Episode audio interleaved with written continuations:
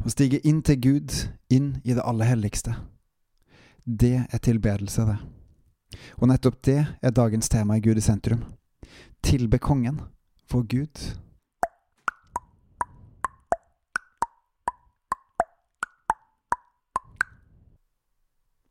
Hva vil det si å tilbe?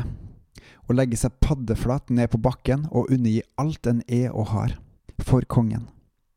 En veit at en er kun en undersått, og ens liv er lite verdt uten kongens velsignelse, for at han har all makt og kan avgjøre om du får leve eller må dø. Denne makta har Gud, og derfor bør vi frykte og tilbe Han. Halleluja. Er Gud virkelig konge? Ja, enten du tilber Han eller ikke, så er Han det uansett. Han har skapt jorda og alt som er på den, og han har all makt og kan gjøre alt hva han vil. Likevel, i kjærlighet gjør han det ikke, fordi han vil at alle skal bli frelst. Sjøl står vår konge utenfor ti rom og materie, så for han er én dag som tusen år, og motsatt. Og videre kan han være til stede overalt samtidig til alle tider, fordi han ikke er bundet av vår verdens begrensninger. Men eh, hvordan kan Gud være konge dersom han ikke er til stede i verdenshistorien? Hvor var han under Utøya-angrepet? Hvor er han under flukten fra Midtøsten-krigene over Middelhavet? Hvor eh, var han under valget i USA? Og hvorfor ser vi eh, at våre mange politikere vedtar lover som trosser Guds vilje? Vinklinga av det spørsmålet her er feil. For Gud er overalt til enhver tid, og han bryr seg. Han bryr seg faktisk så mye at han velger å ikke begrense menneskenes fri vilje på hvordan vi vil leve livene våre, hvilke valg vi tar.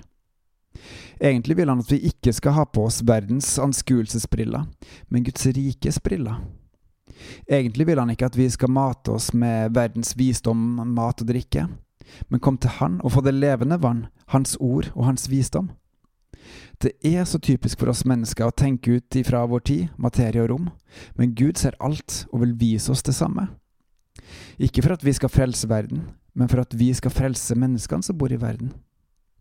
Vi skal ikke følge denne verdens hersker, men vi skal følge kongen som har all makt i himmelen og på jorda, han som kan bestemme om du skal leve for alltid med han, eller gå fortapt evig. Nettopp det her tar for eksempel Jesus opp i Matteus 25 når han snakker til dem som kaller seg hans, altså de kristne. De kristne som har fulgt Hans ord og tatt seg av alle de svake, fattige og foreldreløse med mer, dem skal få komme hjem til Han. De kristne som ikke gjør det, de skal ikke få bli med Jesus inn i Guds evige paradis. Opprinnelig tenkte jeg at det her lignende ligne skildra lignelser i Bibelen gjaldt de ikke-kristne, men jeg ble lettere sjokkert eh, da jeg oppdaga at Jesus, Paulus og Johannes med flere snakker til kristne. At blant de kristne så finnes det både kristne og ikke-kristne. Og de ikke-kristne veit det ikke sjøl engang. Å Gud, frels oss fra det onde, venn oss til deg og ditt ord. Må vi følge deg og ikke verden, vi som er kristne. Kall oss til omvendelse. Og takk for at du kaller. Må vi velge å omvende oss. Å tilbe er å legge seg paddeflat foran kongen og gi han rett. Han er alltid til stede, og han ser alt.